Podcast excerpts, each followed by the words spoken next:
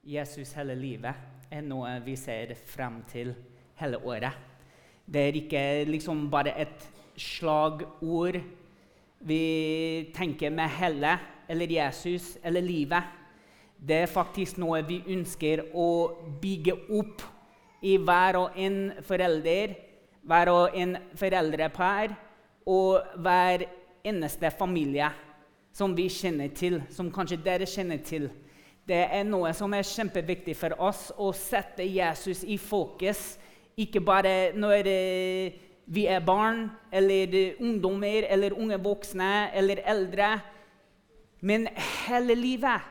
Og ikke at vi som er i liksom, den mellomste generasjonen, jeg vil si det er meg, liksom tar vare på de små eller de eldre, men at vi lærer også de ungdommene til å se og ta vare på den neste generasjon. Og at vi lærer de som er yngre, til å se de eldre og eh, liksom få dem som et forbilde om hvordan man kan leve eh, livets løype sammen med Jesus. Det er så viktig at vi som menighet setter Jesus i sentrum av vårt liv. Hvem vi er som en person hvem vi ønsker de som sitter ved siden av oss, skal være i Jesus. Hvem vi ønsker eh, liksom, de vi kjenner til, skal være i Jesus Kristus. Vi må se gavene Gud har gitt hverandre. Vi må se potensialet som ligger i hver og en person. Om vi ønsker å elske Jesus som Gud kaller oss til å elske Jesus, da er vi også kalt til å oppdra hverandre og oppdra den neste generasjonen til å fikse blikket på Jesus. Og jeg tenker, Vi har mange historier i hele Bibelen som forteller oss om sånne ting. Vi har Hanna og Samuel. Vi har en dame som roper ut til Gud om et ønske å ha et barn. Et barn er gitt. Og hva gjør Hanna? Hun dedikerer han til Gud. Hun gir han den beste muligheten til å vokse opp, bli oppdratt i Guds hus og høre Guds stemme og reagere og leve i det kallet Gud har gitt Samuel. Men så har vi Ellie, som får ansvaret for å oppdra Samuel i Guds hus. Og det går strålende, helt strålende med Samuel.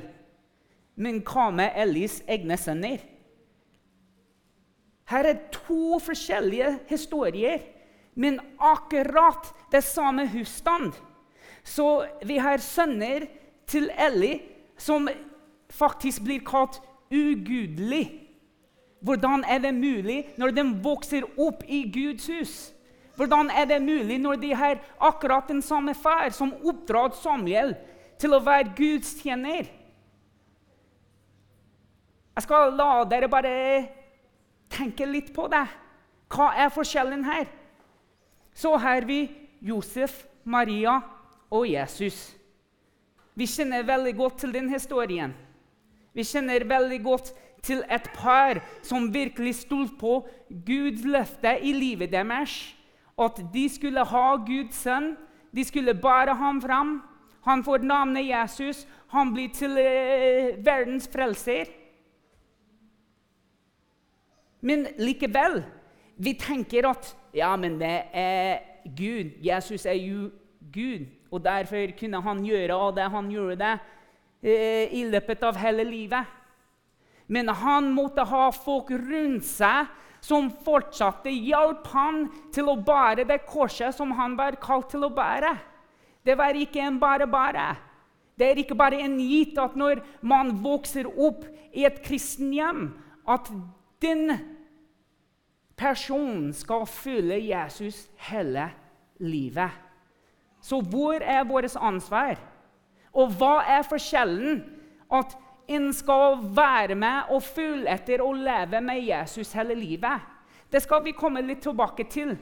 Men når jeg først fant ut at han var gravid med Isak Eldstesønnen vår, nå 12 år, blir snart 13. Tida flyr. Ikke, ikke, tenk på at tiden er gitt. Man aldri vet hvor mye tid vi har sammen med de vi elsker, de vi kjenner til. Så den tiden vi har sammen med hverandre, vi må bruke den for å fortelle opp, eh, om Jesus og oppdra mennesker i Guds veiledning, Guds visdom og Guds kraft. Men når jeg først fant ut, så begynte jeg å be Gud hjelpe meg til å være en god far. Hjelpe meg og Hanne til å være gode foreldre som skal hjelpe han til å bli kjent med deg. Og det er det vi gjør når folk bærer sine liksom, babyer fram til barnevelsignelse. Og vi snakker om at vi har lyst til å gi dem den beste muligheten til å bli oppdratt i Guds ord. Det er det Guds ord faktisk sier. At Hans ord skal være eh, et lys for våre eh, føtter og en lampe for våre sti. Det er faktisk oss som Guds menighet, det er faktisk oss som Guds eh, foreldre til deres barn. Vi skal være en, et lykt og en lampe for dem og oppdra dem i Guds ord. Og det prøver han og meg så godt vi kan å gjøre. Men det er ikke alltid så enkelt. Men det eldre Isak ble, det eldre Simon og Elisabeth blir De bønnene de forandrer seg. Fordi jeg ser samfunnet de vokser opp i. Jeg ser at poten, liksom potensialet de har for å bli kjent med andre som er utenfor menigheten, som er utenfor liksom, de jeg kjenner til. Og jeg syns det er ikke noe galt med det. Helt bra. Jeg ønsker at de skal bli kjent med verden. Ikke av verden, men at de blir kjent med verden. Så da må den bønnen som jeg ba tidligere, endre seg litt. Fordi det handler ikke bare om at jeg skal veilede mine barn. Jeg skal hjelpe dem til å bli kjent med Jesus. Jeg skal åpne Guds ord for dem og lese til dem og vise dem hvordan å bruke det. Jo, veldig viktig at vi som foreldre, vi som Guds menighet, gjør sånne ting. Men jeg ønsker ikke å overgi bare et barnetro til mine barn. Et tro som skal falle bort når de møter tøffe spørsmål, når de møter en verden som er kjempeutfordrende og vil ha et svar på hvorfor de tror på det de tror på. Eller at de kan ikke komme seg gjennom tøffe tider fordi de har ikke lært skikkelig å stole på Gud. Men jeg kan ikke lære dem det. Og Derfor er det så viktig at vi som Guds menighet, at vi som Guds foreldre sørger for at de får møte Den hellige ånd.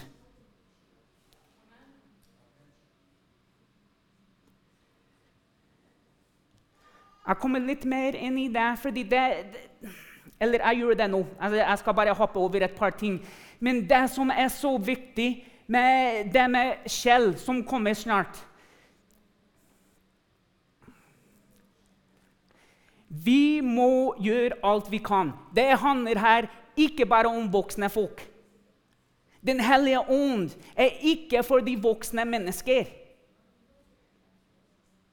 Vi må gi muligheter for våre barn til å forlate den troen vi har gitt dem. fordi jeg mener at jeg alltid går rundt med spørsmålet og tenker Elsker mine barn virkelig Jesus?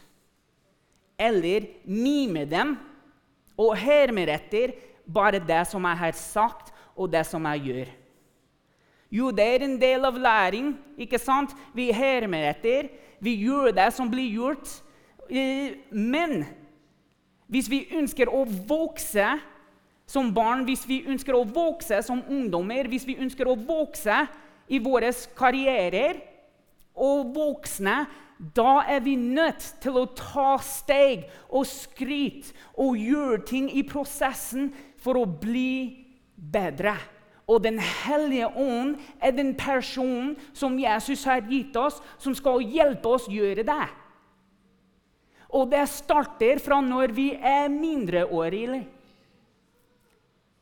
Det starter ikke når man eh, går konfirmasjon. Det starter ikke eh, liksom, etter man begynner å tenke at ja, kanskje jeg skal gå i menigheten og at jeg har blitt frelst. Og, nei, det starter fra den tiden at vi som foreldre, vi som menigheten, tar imot nye mennesker. Vi ønsker at de skal ikke bare bli nyfrelst, men vi vil veilede dem til flere muligheter og bli kjent og oppleve Den hellige ånd i hverdagen. Så her er det ikke bare et til arrangement. Her er det ikke bare en inntil lørdag som vi skal eh, gi til eh, noe kirkeaktivitet.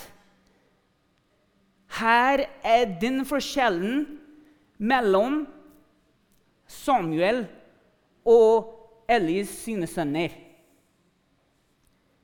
Samuel han, han ble kjent med Gud, hans stemme, og at Gud har plassert et kall på livet hans. Og hvordan gjør det han det? Ved å kjenne til Guds ånd. Det blir veldig vanskelig å liksom svare på det spørsmålet. Elsker mine barn Jesus? Eller hører dem bare etter meg? Og jeg skjønner at det blir litt vanskelig å svare på det spørsmålet. Fordi jeg mener, det er kanskje ikke et svar på det. Vi kan bare lite til våre barn, og vi kan se på deres ytterlige handlinger. Og så begynne å bekrefte for dem at du gjør det her fordi du er Guds barn. Fordi du er fylt med Hans ånd. Så jeg, jeg virkelig utmuntrer dere til å melde dere på det seminaret og se hva Guds ånd her i vente for deg og deres barn. Den hellige ånd er jo så viktig. Det viktigste vi har i dette livet etter vi har tatt imot Jesus. Uansett hva vi gjennomgår, så skal Guds ånd alltid styre oss i rett retningen.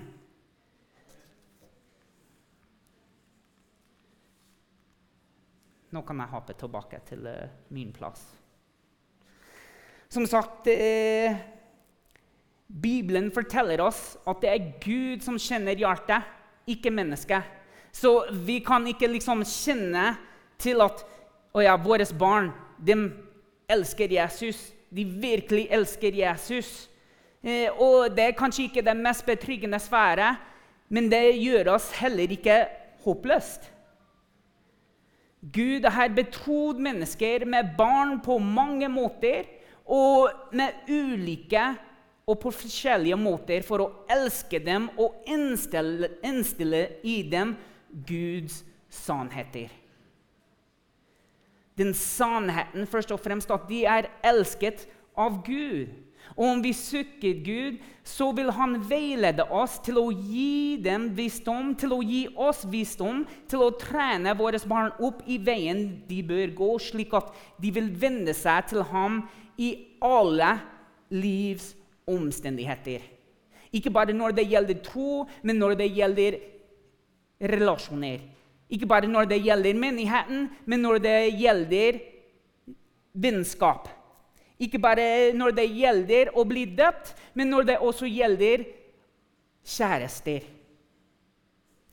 Vi må ønske at våre barn skal alltid fikse sitt blikk, ha sine tanker på Jesus, slik at det er Jesus, slik at det er Den hellige ånd som påvirker dem i hva de holder på med. Men det betyr ikke at som foreldre at vi kan liksom bare chille og så slappe av og la verden styre og ordne alt her. Vi kan ikke bare tenke å ja, men nå har jeg bedt, og nå har jeg sagt til dem, så nå er jobben min ferdig. Det, det, er ikke sånn det funker. Uansett de er barn, uansett eh, de, de, ungdommer, unge voksne, til og med voksne mennesker. Mora mi må ta tak i meg noen ganger og forsyne Guds budskap til meg om hvem jeg er. Tenk deg liksom, en mann som står her og snakker om eh, Guds kraft og kjærlighet og nåde søndag etter søndag. Så glemmer jeg det av og til. Vi er aldri aldri ferdig med oppdragelse av de som er yngre enn oss, og ta vare på nestemannen vår. Vi har et ansvar som Guds menighet. Det er samtaler vi kan ha som kan avsløre hvordan Gud arbeider i hverandre. Samtaler som vi kan ha med våre barn, og praktiske ting vi kan gjøre som skal hjelpe dem. Erkjenner at Gud går sammen med dem, at Gud er faktisk en levende del av livet. Så Jeg ønsker å gi noen praktiske ideer å tenke på når du stiller deg selv spørsmålet Elsker barna mine virkelig Jesus? Det, det er faktisk eh, et spørsmål, en tanke, som vi må jobbe med av og til i livet vårt. Ellers liksom, De skal vokse opp med bare et barnetro. Og det er ikke det vi ønsker å forlate dem når vi går ikke lenger sammen med dem som foreldre. Det blir en periode når vi går fra foreldre til venner.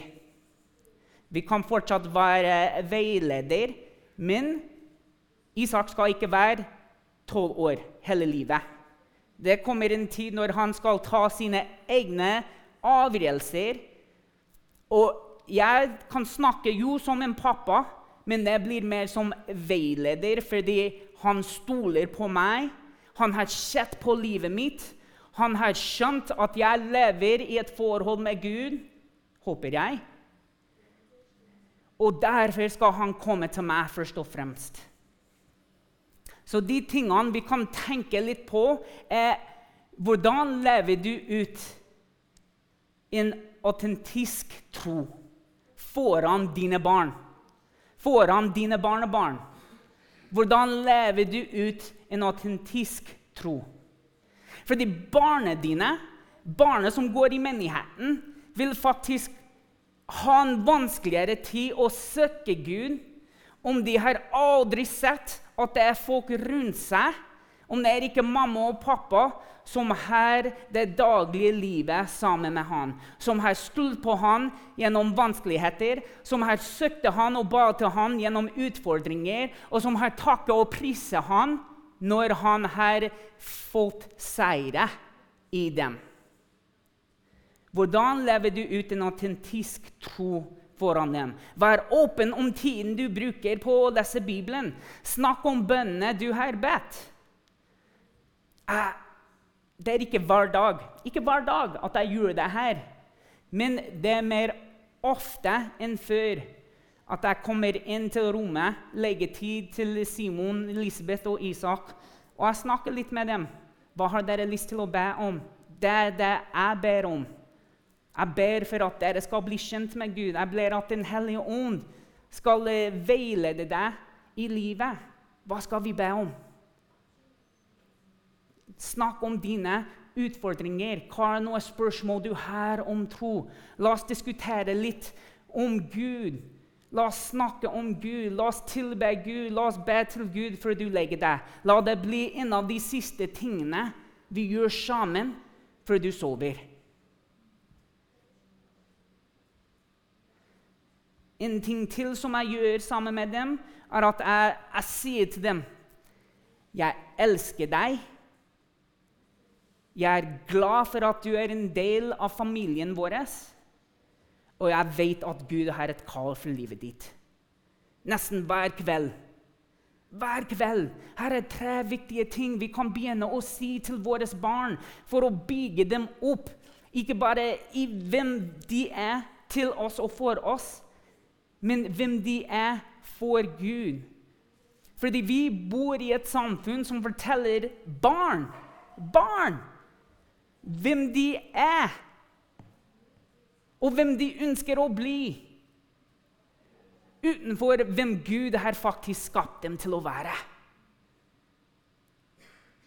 Jeg syns vi som Guds menighet, vi som Guds foreldre til, demme, eh, til disse barna, har et stort ansvar å fortelle dem først og fremst at er de er elsket av Gud. av hvem han skapte dem til å være. Av at de tilhører han først og fremst. Inkluder barna dine i alt du gjør når det er her med å snakke om Gud. Be med dem, les Bibelen med dem, tilbe med hverandre og spør dem hva de tror at Gud forteller dem. Vi må lære dem opp at de kan også høre Guds stemme. Ja, men det, det, barn er barn. De forstår ikke alt som blir sagt. Mm, det kan vi snakke litt om. Jeg mener at eh, barn er veldig, veldig kloke. De får med seg, en, hvis ikke alt, en god del av det som blir sagt. Det som eh, vi snakker om her i kirka. Kanskje ikke store ord, men de skjønner konteksten av det vi snakker om. Jeg har flere hjemme, faktisk alle mine tre, som liker å spionere. Så når jeg og Hanne snakker på kjøkkenet eller på stua Du kan alltid høre liksom rett rundt hjørnet. Eller altså bare, Du hører ikke noe mer, men da kan du si 'Elisabeth', og så da liksom kikker hun rundt hjørnet. Eller vi prater der, og vi har sagt til dem at de skal gå ut, men de beveger seg veldig, veldig sakte med tanken at ja, men de har glemt at jeg er fortsatt her. Og så begynner vi å prate litt mer, og de lytter. Og kanskje fire dager senere så kommer de tilbake og sier ja, men uh, hva var det du og mamma snakka om, faktisk? Husker du at du har sagt det her? Og sånn Å, oh, nei. Hva, hva, mer har de hørt at vi har sagt her? Men det gjelder også tro. Vi må gjøre det til en vane til å snakke om Guds ord. Vi må gjøre det til en vane til å be sammen med dem. Vi må gjøre det til en vane til å spørre dem hva har Gud gjort i livet ditt i dag. Vi har vitnesbyrder fra når vi er små. Men vi må gjøre det naturlig til å snakke om og prise Gud for det han har gjort i det daglige livet vårt. Jeg har en uh, niese som er 19 år gammel. Fikk eh, en melding fra hun for ikke så lenge siden, og hun skrev et. Alle de kristne jeg snakker eh, med, de har et vitnesbyrd. Men jeg føler at jeg ikke har det. Er jeg, er jeg troende? Kjenner jeg Gud? Og det, det, var et tøft spørsmål for meg. Og da må jeg snakke med noen om, om det her. og liksom, hva, hva, tenker du om det her? Og det var kloke ord. Den personen sa at du trenger ikke å ha liksom, største livsforvandling for å ha et vitnesbyrd. Noen ganger har du blitt oppdratt med den nærheten at Gud er alltid der. Det er et vitnesbyrd i seg selv. Du trengte ikke en kjempehandling av Gud for å bli kjent med Han. Og når jeg snakker med hun om det, det var så beroligende for hun. hun. Hun faktisk sa, 'Vet du hva? Det er helt sant.' Jeg trenger ikke å være som deg, onkel, som være drug dealer, og så plutselig ble du kjent med Gud og Jesus for å faktisk uh, vite at jeg kjenner Gud, og Gud er sammen med meg. Men her er poenget med det. Vi må gjøre det naturlig til å snakke om vår, eh, om vår Gud, om vår tro, med våre barn, slik at de vet at Gud er alltid med. Hvis vi ønsker at de skal snakke om Gud, hvis vi ønsker at de skal kjenne hans nærvær, da må vi også snakke med dem om Gud. Da må vi også fortelle dem om Guds nærvær, og at det er alltid sammen med dem, og det er alltid tilgjengelig for dem.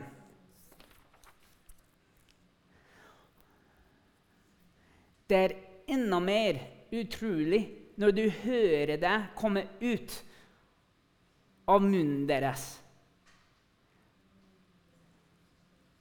Snakk med barnekirkeledere. Hvordan har det gått med mine barn i dag? Har de sagt noe? Har de bedt noe? Hva er det som blir sagt i barnekirka? Hva er det som dere ber om i barnekirka? Vi må også bli mer engasjert.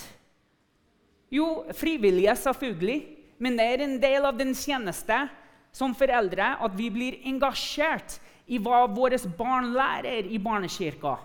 Fordi da kan vi fortsette å ha den samme samtalen. Da blir det litt samarbeid mellom menigheten og husstand. Det er ikke bare hver søndag at eh, ja, nå skal de lære om tro. Men vi ønsker å støtte hverandre og ha det samarbeidet, slik at vi kan bygge opp den troen sammen de andre seks dager i uken. Så hvis barna dine er ikke der ennå For det, det er noen eh, som har små barn. Og det er litt vanskelig å få noe ut av dem. Men som Sanne sa det med Å ja, men heldigvis har Gud skapt det mer enn bare en trose. Det, hun har fått med seg at Gud er en del av det vanlige livet. Snakk med barna om tro. Og det gjelder alle. Ikke bare oss som er foreldre, men vi som menighet. Og jeg tenker Når vi gjør det her, når vi snakker med dem her er litt hjemmelekser for dere. For det her er et vers som skal, kan faktisk hjelpe dere å sette i gang med den samtalen. Men alle som tok imot ham, de ga han rett til å bli Guds barn. De som tror på hans navn. Hei, Isak, la oss lese det her sammen. Hva betyr det for deg? Hei, Elisabeth, hva betyr det å være Guds barn? Hei, Simon, tror du at du er Guds barn? La oss begynne å veilede dem mot den tanken at vet du hva? Jeg er elsket først og fremst fordi jeg er Guds barn. Jeg kan ta imot han i livet mitt. Hva betyr det? La oss snakke med våre barn om hva det betyr å ta imot Jesus i sitt eget liv.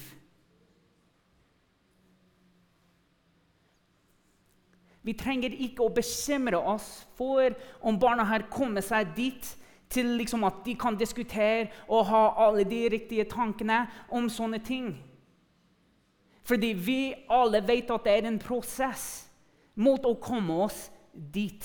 Men vi må begynne å hjelpe dem og bygge dem opp, slik at de kan forlate den barnetroen og komme til en egen bekjennelse om hvem Jesus Kristus er.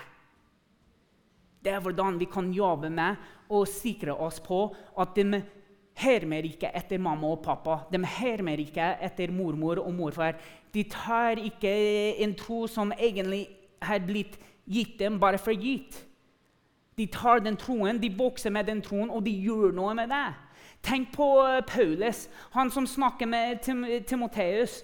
Han sier til Timoteus den troen du lever med nå den troen du har fått, det starter ikke med deg.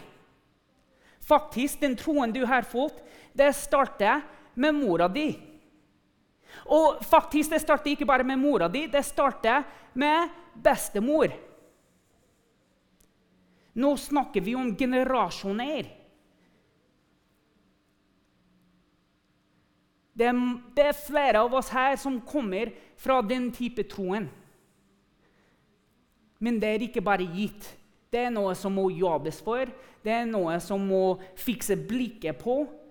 og noe vi må gjøre for å hjelpe den neste generasjonen. Ikke bare lære, men leve med Den hellige ånd. Så har vi det her. Hva handler Kirken om for barna dine? Når vi tenker liksom hvor klokke våre barn er, og snakker med dem om sånne ting. Når vi tenker om eh, det våre barn gjør, og bekrefter for dem at de gjør det fordi de har tatt imot, fordi de er Guds barn, og at Jesus er en del av livet, så har vi det med kirka. Hva handler Kirken om for barna dine?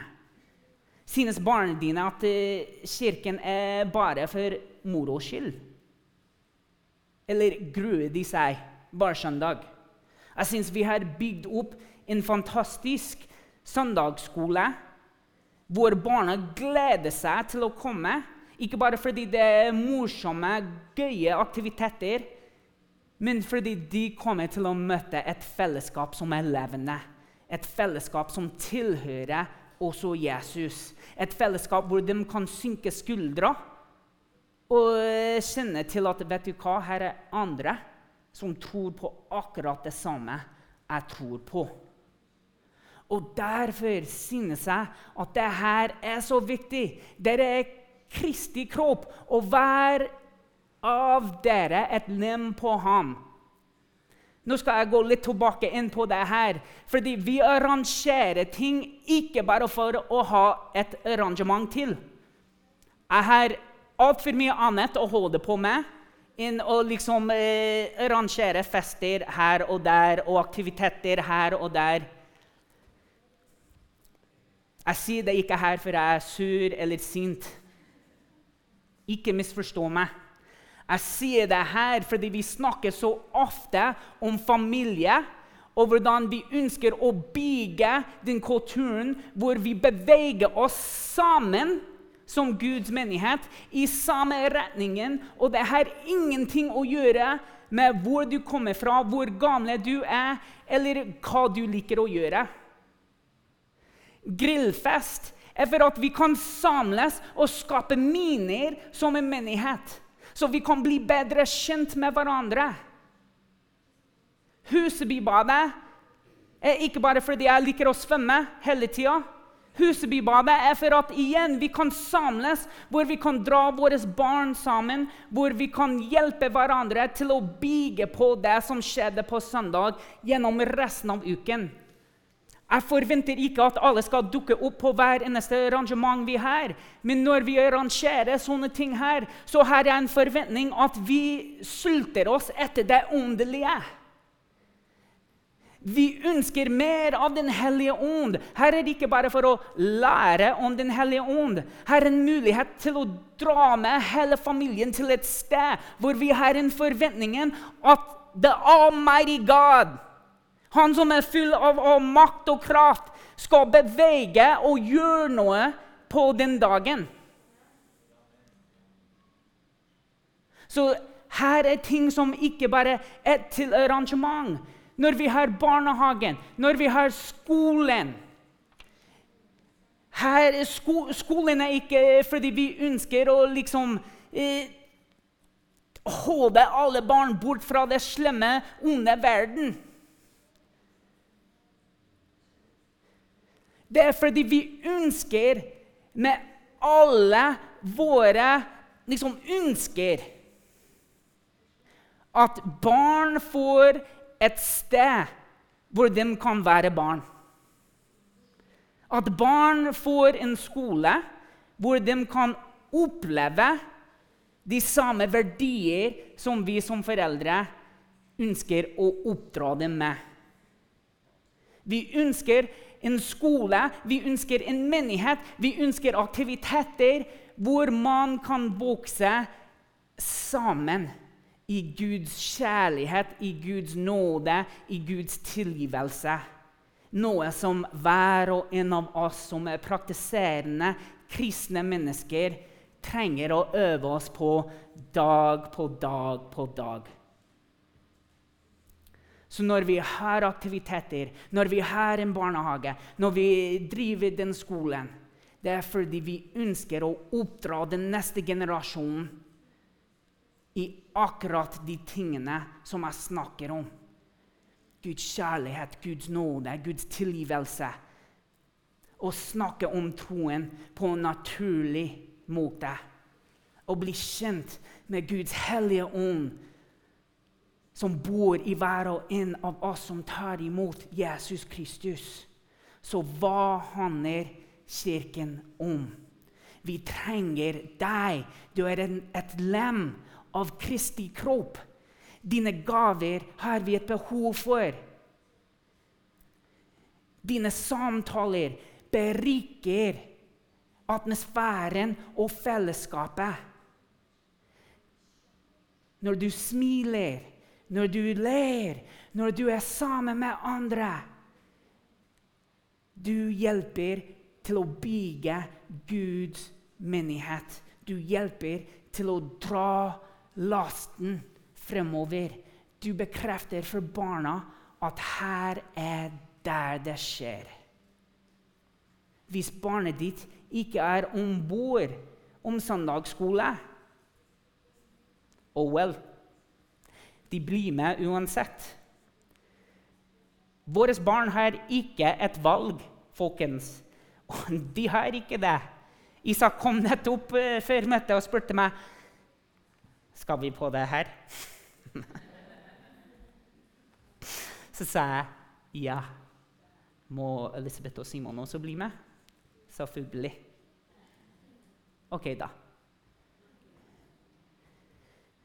Klokka åtte står vi opp. Isak, du må stå opp. Ah, nei, må vi i kirka? Ja, det må vi. Hver eneste søndag. Det er et mønster for oss. Jeg skjønner at man eh, av og til er ikke med, og det går helt fint.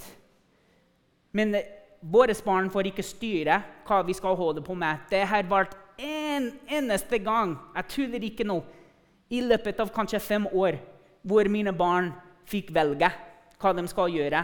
Og det var eh, for noen uker siden når det var eh, Leif her i kirka. Isak hadde en av sine siste fotballkamper, og Elisabeth eh, hadde turn. Og da spurte vi vil dere dra på Leif, eller vil dere dra på deres aktiviteter. Vet du hva de valgte? Og det går imot alt som jeg har nettopp sagt. Men de valgte sine andre aktiviteter. Men vet du hva det betyr? Det betyr at hvis man får et valg, så velger de bort det som er det viktigste. Det burde de ikke egentlig få et valg om. De får ikke et valg når de skal legge seg, de får ikke et valg om de skal pusse tennene, de får ikke valg om de kan spise godteri hele tida. Liksom, det er så mange ting de ikke får et valg om. Om man er om bord eller ikke, det er det vi holder på med som en familie. Det er én ting vi vet at vi kan gjøre som en familie. Og vi vet også at det er viktig, ikke bare fordi det er kirken, men fordi vi er et lem av denne familien. Og vi ønsker å gjøre ting som bygger opp den kroppen som er Jesus Kristi kropp. Så er det Hva vet barna om hva som står i Bibelen. Les den sammen. Bekrefte at det du leser i her sammen, ikke får dem. Hvis de kan lese, så la dem lese. Inkludere dem i det. Men hjelpe dem til å se viktigheten om Guds sannheter i deres eget liv. Hvordan de skal behandle andre mennesker. Verdier om godhet å si sannheten og være god mot andre mennesker. Bekrefte for dem som foreldre bygger vi et grunnlag for kunnskap om Guds ord. Ordet hans lever først og fremst i Jesus, og så i oss. Og da bekrefter vi dem for det når vi lever ute. Det er kraftfullt og har makten til å forvandle og veilede en yngre generasjon. Men gjør vi det her alene? Nei, det gjør vi ikke det. Vi leser i Klåserne 3, 23-24. Alt arbeid skal dere gjøre helhjertet, for det er Herren og ikke mennesker dere tjener. Og dere vet at Herren skal gi dere sin arv som lønn. Tjen Herren Kristus. Men den som gjør urett, skal få lønn som fortjent. Her er det ikke forskjell på folk. Gjenkjenne at ensomheten som vi kan noen gang eh, fylle som foreldre, kanskje fordi vi er skilt, eller fordi ektefellen er ofte borte, eller man jobber veldig mye, eller man drar til eh, noen aktiviteter enn å være her, så kan man noen ganger føle seg ensomme med det som skjer. Men du er ikke alene. Du har Kristi kropp som står sammen, Kristi kropp som samarbeider med hverandre. Og vi gjør det ikke som spøk.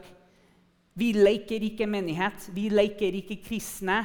Vi leker ikke når det gjelder deres barn. Vi ønsker å hjelpe dere gjennom alle de krevende situasjonene. Men når jeg står her og sier det, så må man også være klar for å jobbe seg frem til en løsning. Jobbe seg frem til å gjøre de tingene ikke som vi ber eller menigheten ønsker, men det som Gud ønsker å gjøre i deg og gjennom deg for å bekrefte det levende ord. For å bekrefte for barna at vet du hva, vi jobber ikke bare for det forholdet her. Vi jobber ikke bare for hverandre, men vi jobber fordi vi ønsker å tjene Gud med forholdet han har gitt oss, og med familien han har velsignet oss med. Dette lederskapet, omsorgen, kjærligheten det, det, det er et partnerskap mellom oss og Gud. Vi sitter ikke alene med jobben. Han ber oss å komme til ham. Han ber oss å søke hans veiledning og stole på at hvert glimt av Han i livet vårt gir håp. Hver ny idé, hver relasjon du oppretter med andre mennesker i menigheten, er en velsignelse fra Gud. Og Det står her at arven er stor. Ikke bare vil vi oppleve Guds nærvær i oss og for evigheten i himmelen, men vi vil se at barna våre opplever den samme herligheten. Her er det Johannes som snakker til menigheten. For jeg ble svært glad da noen søsken kom og fortalte om din troskap mot sannheten, hvordan du lever i den. Ikke noe gleder meg mer enn å høre at mine barn lever i sannheten. Tenker Det er ikke noe mer som skal glede oss mer enn at vi vet at våre barn lever i Guds sannheter. Det fins ingen ord for å uttrykke gleden vi vil ha over å se at våre barn fyller Jesus Kristus hele livet. Gud har gitt oss og velsignet oss med en yngre generasjon. Det trenger ikke en eneste gang å være våre egne barn. For å ta interesse i å oppdra den neste generasjonen og den generasjonen som kommer etter deg, i hvem Jesus er. Og at han ønsker å være med hele livet, uansett omstendighetene. Men vi som er her nå, må ta et valg. Først og fremst å fikse blikket på Jesus. Og se hvor viktig det er for oss å gripe inn i livet av andre og hverandre og snakke om Jesus og lese i Bibelen og bekrefte for hverandre at Gud er her nå, og at han ønsker å gjøre noe. La oss reise oss opp. Kjære Jesus, vi takker deg for at du er her med oss. Takker deg for at vi kan lovprise ditt navn. Hjelp oss å se den neste generasjonen. Hjelp oss til å veilede i din visdom, Den hellige ånd, dine barn mot deg. Hjelpe dem til å forstå at de kan ta imot deg. Hjelpe oss til å gi dem en levende tro. Den hellige ånd, vi ber at de blir kjent med deg. Amen.